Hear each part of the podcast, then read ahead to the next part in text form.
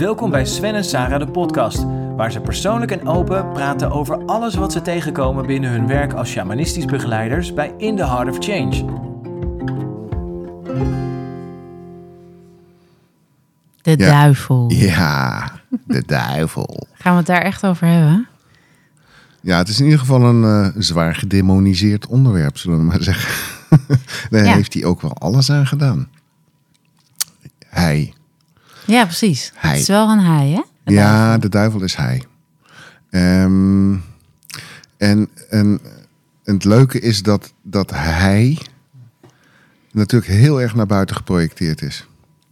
Dus Al het slechte al het ligt aan de slechte duivel. ligt aan de duivel of ligt aan de ander. It wasn't me. It wasn't me. En eh, nou, helaas, als wij gewoon consequent zijn en gewoon kijken naar de duivel buiten ons, dan is het alleen maar een spiegel van onszelf. Ehm, iets meer context. Ehm, de duivel is, wordt ook wel Satan genoemd, of Arabisch Satan, daar komt het vandaan. En dat is de tegenstander. En dat gaat eigenlijk over onze innerlijke tegenstander. Wordt ook wel de saboteur genoemd door mensen. Of eh, dat, dat deel waarvan mensen zeggen: Ja, nou, ik zit mezelf steeds in de weg. Ik steek eh, een, een stok in mijn eigen spaken. Duivelse activiteiten van het eigen ego. En dat ego, dat, eh, dat doet er alles aan om eh, nou, je te laten struikelen. En dat heeft één heel krachtig middel om dat te doen.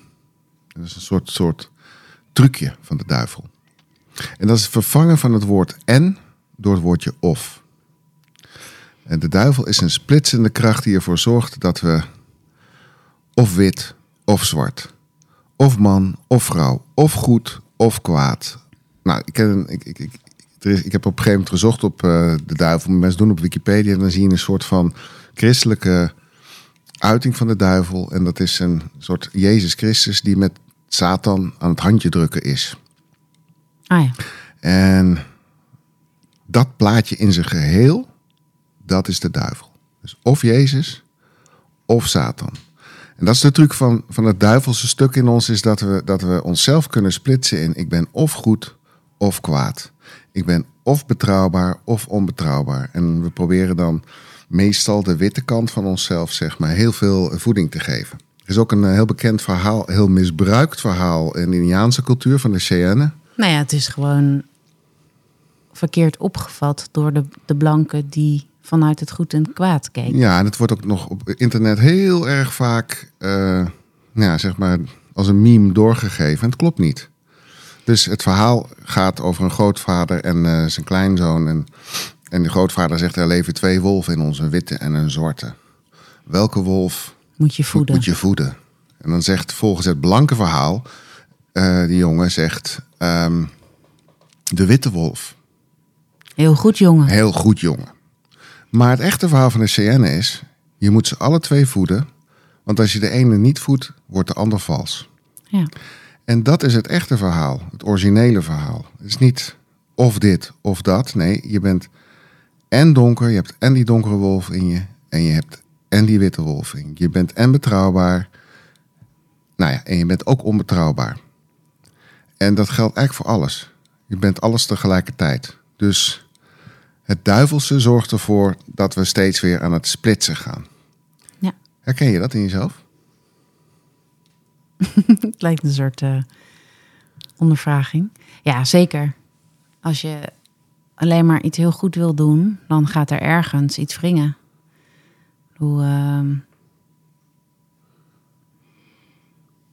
nou ja, hoe, hoe ik vroeger, vroeger training gaf en het heel goed moest doen en dingen moest onthouden en volgorde. En ik ben letterlijk toen bij een training, omdat ik zo mijn best aan het doen was, toen ging ik even naar de wc en kwam weer terug als een of andere partnerstructuur, advocatenkantoor. Toen op de gang onderweg terug naar de zaal ben ik gewoon gevallen. Gewoon letterlijk de valervaring. En toen ik viel, dacht ik al meteen, ja, dit is heel goed dat ik nu val. Want ik ben zo mijn best aan het doen, dat ik helemaal niemand bereik. Ja. Dus, en wat ik heb, ik, volgens mij heb ik gewoon echt gezegd dat ik gevallen ben. Ja. En eh, toen weer even vanuit het niet weten erin. Als ik niet, niet de, de perfecte training aan het uithangen was. Degene maar- die alles weet. Oh, ik de laat- witte. Ja, maar het was ook niet te doen. Ik werd er helemaal naar van. En ik, ik had er buikpijn van. Ik zat er helemaal niet lekker in. Maar god, wat was ik het goed aan doen. Ja. Ja, Dan dat, nou, dat, zeg maar, dat is onze innerlijke tegenstander. Die probeert zeg maar, dat deel buiten beeld te houden wat we ook zijn.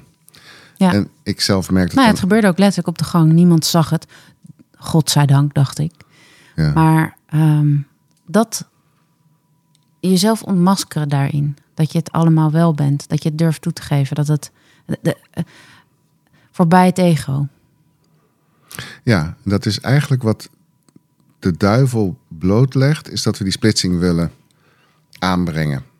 Er is een, eh, er is een boek, toen ik echt in het onderwerp dook, is er een boek eh, van, van iemand, dat vond ik een fantastische titel, Satan, een autobiography. Ja, En daar gaat die ik gast... weet ook nog wel toen jij dat las. Ja, die gast die gaat helemaal los op de duivel in zichzelf en op de liefde die er zit in dat duivelse stuk. Dus als er onvoorwaardelijke liefde bestaat, bestaat er ook onvoorwaardelijke splitsing. Dan mag je echt zo ver afdrijven van de bron als dat jij wil. Ja, En eh, sommige mensen doen er ook een stinkende best voor. Want het is toch geliefd. Ook dat gesplitste deel, of dat deel wat je niet wil zijn, of wat in de schaduw zit, dat wordt ook gewoon gezien. En dat wordt ook erkend. En het leven laat het ook zien. ja totaal. Ik ben heel lang de sterke, eh, betrouwbare. eh, nou, ik, ik, ik, heb, op een gegeven moment hoorde ik mezelf steeds zeggen: ja, je kan een tsunami op me afsturen, of een storm, of een weet ik veel wat eh, eh, over me heen sturen. Ik blijf gewoon staan. Ja, Tot ik in mijn leven meemaakte, was notabene in jouw eh, familiesysteem, Mhm. dat ik het gewoon, dat het zo sterk werd, die tegenwind, dat ik het gewoon, dat ik moest buigen. Dat ik het niet meer aankon, dat ik moest zeggen, ik, ik, ik, ik kan het niet aan. Dit is te sterk, dit is, dit, hier, Ja. moet, ik- hier moet ik voor buigen. dus voor alles wat je heel stellig verkondigt in je leven, Ja, dat is als je dat zo zeker weet, dan gaat het leven je laten zien dat het absoluut nog ook echt wel weer anders ligt. Dat je meer bent dan alleen dat, die definitie die je van jezelf gemaakt hebt. Ja, En dat die tegenstand, dat, zeg maar, de drang van het leven is zo groot om ons te laten zien dat we veel meer zijn dan wat we denken. Dat, dat komt toch tevoorschijn. Dus ik, ik mocht vanuit overigens een grote opluchting erkennen van ik kan het niet aan. Het lukt me niet. Ik wil dit ook niet aankunnen. Nou, dat was de eerste keer in mijn leven dat ik dat stuk van mezelf ook integreerde. dus dat doorbreekt eigenlijk het idee van het zelf. Dus het is, Ja, dan is dan de duivel nodig om door ego heen te kunnen breken. Of om het te doorzien. Nou, en het boek van die man, dat vond ik echt een prachtig einde. Dat hij zei van ja, eh, jullie denken allemaal dat volgens het verhaal dat Eva de eerste hap van de appel genomen heeft. Maar het was de tweede hap, want ik nam de eerste hap. En dat is de polariteit. En in die polariteit mogen wij groeien. En, en die, ja, als we in die splitsing blijven geloven, dan blijven we gewoon, gewoon al- alles definiëren als goed en kwaad en slecht en slap en, en sterk en weet ik veel wat allemaal. Terwijl, terwijl we veel meer zijn dan dat wat we van onszelf zeggen. Maar wacht even. Zeg je hiermee nu dat de duivelse kracht buiten het individu zit? Dat het niet van iemand is? Nee, het is natuurlijk van onszelf. Het is de splitsing. Het is al, het is al Ja, want ik wou wel zeggen, want anders dan ben je niet verantwoordelijk voor jezelf. Nee, je bent wel verantwoordelijk voor jezelf. Het is gewoon een deel in ons wat wil splitsen. Volgens mij van het begin van de eerste, van de eerste splitsing die we maken, ik en de ander. En dat gaat maar door. In allerlei definities van, nou ja, eigenlijk wat wij doen met reflecteren is ook gewoon zeggen, nou stel je eens voor dat de ander dat dat een deel van jou is. Daar heffen we ook een splitsing op. Als ik herken wat jij doet of jij zegt als een deel van mezelf. Ja, dan in de analyse kan, kan ik zeggen, nee, dat is typisch Sarah. Maar in de reflectie moet ik zeggen, nou, dat gedrag van Sarah spiegelt iets in mij. Want dan neem je de verantwoordelijkheid weer voor jezelf. Ja, dus dat, dat en, en wat de duivelse kracht doet, als je al buiten ons zou liggen, is constant splitsen. Constant eh, zorg dat we, dat we die verantwoordelijkheid dus niet nemen en het bij de ander leggen. Dus de duivel is niet reflectief. Demoniseren is niet reflectief. Als ik, als ik aan het demoniseren ben en zeg, ja, dat ligt dus bij de ander. Die ander die is in en in slecht. Uh, uh, en, en, en de ander kan daar heel erg aanleiding toe geven. Dus ja, Poetin geeft aanleiding om te demoniseren en te projecteren. Maar de vraag is. Ja, want hij gaat wel heel ver. Hij gaat heel ver. Ik wil maar me daar niet mee verbinden. Nee, maar de vraag is wel nog steeds, als je het vanuit reflectie bekijkt, ja, en welk deel van, ja, van mijzelf reflecteert hier? En dat is een pijnlijk onderzoek om te doen. Dat, dat, dat, schaduwstuk. Het is zo pijnlijk dat ik, je niet eens, dat ik niet eens zin heb om de vraag te stellen aan jou. En wat is die Poetin dan aan jou? Ik denk van, nou, dat ga ik niet vragen. Het is zo pijnlijk dat ik, dat, dat ik liever heb dat je die vraag niet stelt. Ja. En, en dat is dus ook echt een gebied waarbij ik mijn onderbuik voel, voel, voel knijpen van nee, daar gaan we niet naartoe. Dat vind ik helemaal niet leuk. maar vanuit de moed van reflectie zou dat wel de meest gezonde uh, benadering zijn. Het is namelijk heel makkelijk om het bij die, uh, ja, ik noem even fascist wie de klootzak te leggen. Of wat voor verwijt ik ook maar aan iemands adres. Dus dit is het duivelsdilemma. het is niet eens een dilemma. Ik heb het opgelost. Ik ga het gewoon niet doen. Ja. Uh, Wauw. Nee.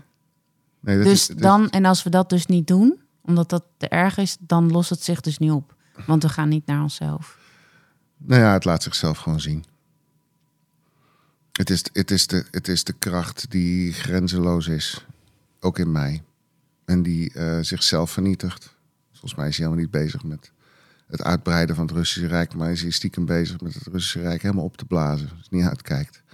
Dus, dus het, is, het is in ieder geval een deel van mezelf wat volgens mij bezig is met zelfvernietiging. En, ja, en, en, daar, en, daar, en daar onvoorwaardelijk voor gaat staan om zichzelf helemaal, helemaal kapot te maken. En misschien is het wel. Ja, daar kunnen we heel eerlijk over zijn. Ik bedoel, dan voelt het ineens niet zo, niet zo pijnlijk meer. Dus gewoon heel duidelijk. Oh, dat, dat je jezelf helemaal kapot wil maken en tot de grond af wil breken. Nou, dat is niet pijnlijk. nee, ik zeg niet dat het niet pijnlijk is, maar dat, zijn, dat is wel de realiteit. Als we kijken naar hoe de aarde er nu voor staat, zijn we onszelf behoorlijk kapot aan het maken. Als dat de spiegel is. Ja, en dat leggen we vooral bij de ander. Dus daar demoniseren we grote bedrijven, boeren, uh, weet ik veel wie we er allemaal voor kunnen gebruiken. Om vooral niet naar onze eigen verantwoordelijkheid of ons eigen deel te gaan. Ja. Dus ja, we zitten dan uh, van alles te vinden van de boeren, maar we staan wel in de rij op Schiphol om de volgende vlucht te boeken. En, ja, en daar, daar gaat, daar gaat dat, dat stuk wel over. En ik, ik denk dat zo'n Poetin in ieder geval zou er echt diep in moeten duiken om het echt eerlijk te doen. Mm. Maar ik vermoed dat het echt gaat over dat deel. Uh... Maar nu hebben we het over Poetin. Dus ja, dat is voor iedereen een spiegel. Wat is jouw duivel? Mijn tegenstander? Ja. Oeh, dat is wel een. Uh...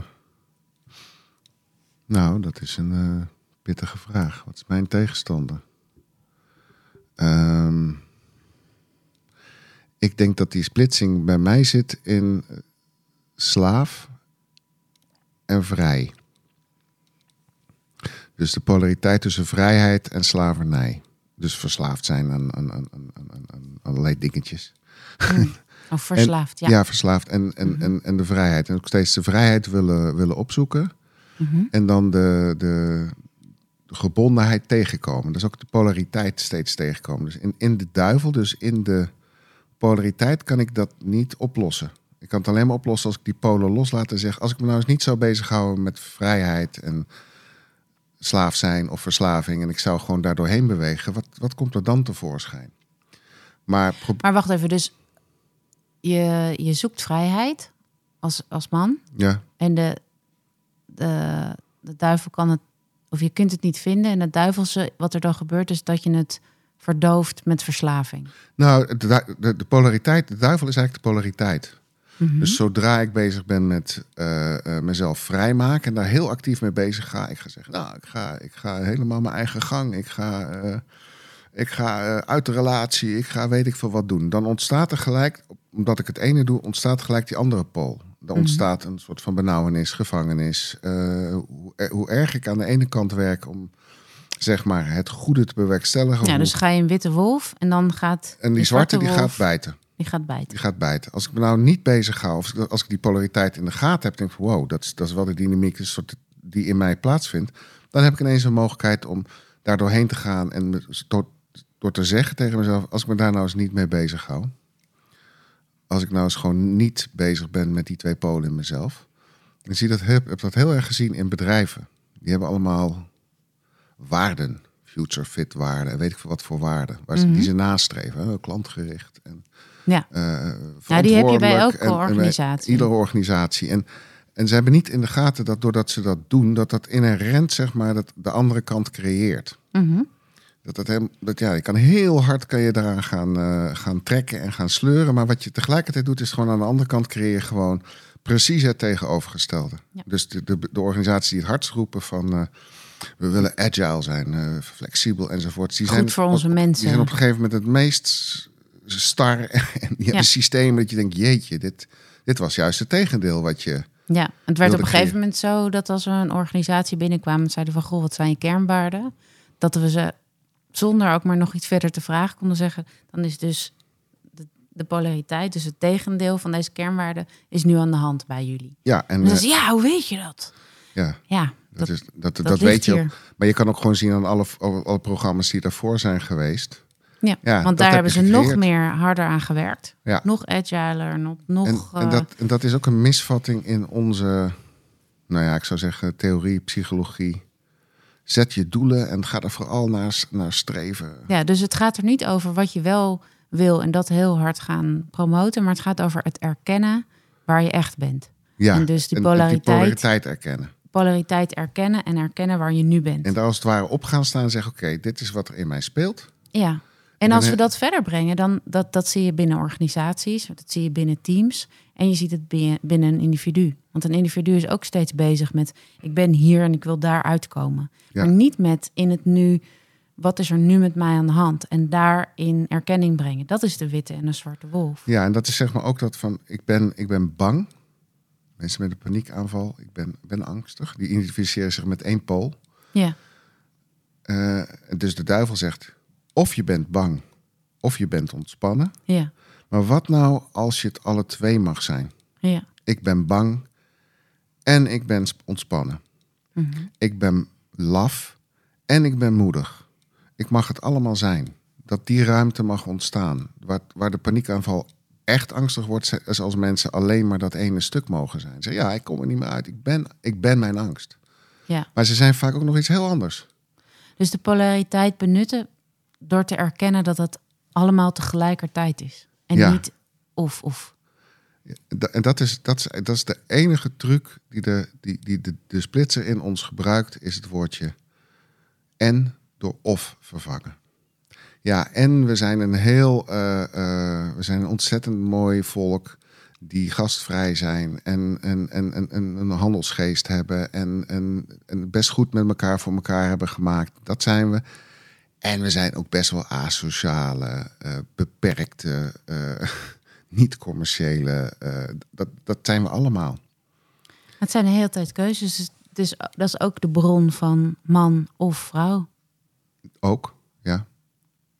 En dat, daar willen we nu een heel woke ding tegen aangooien. Maar wat als het gewoon dat woord is? We zijn man en vrouw. Ja, mannelijk en vrouwelijk. Mannelijk en vrouwelijk. Ja. Dankjewel voor het luisteren.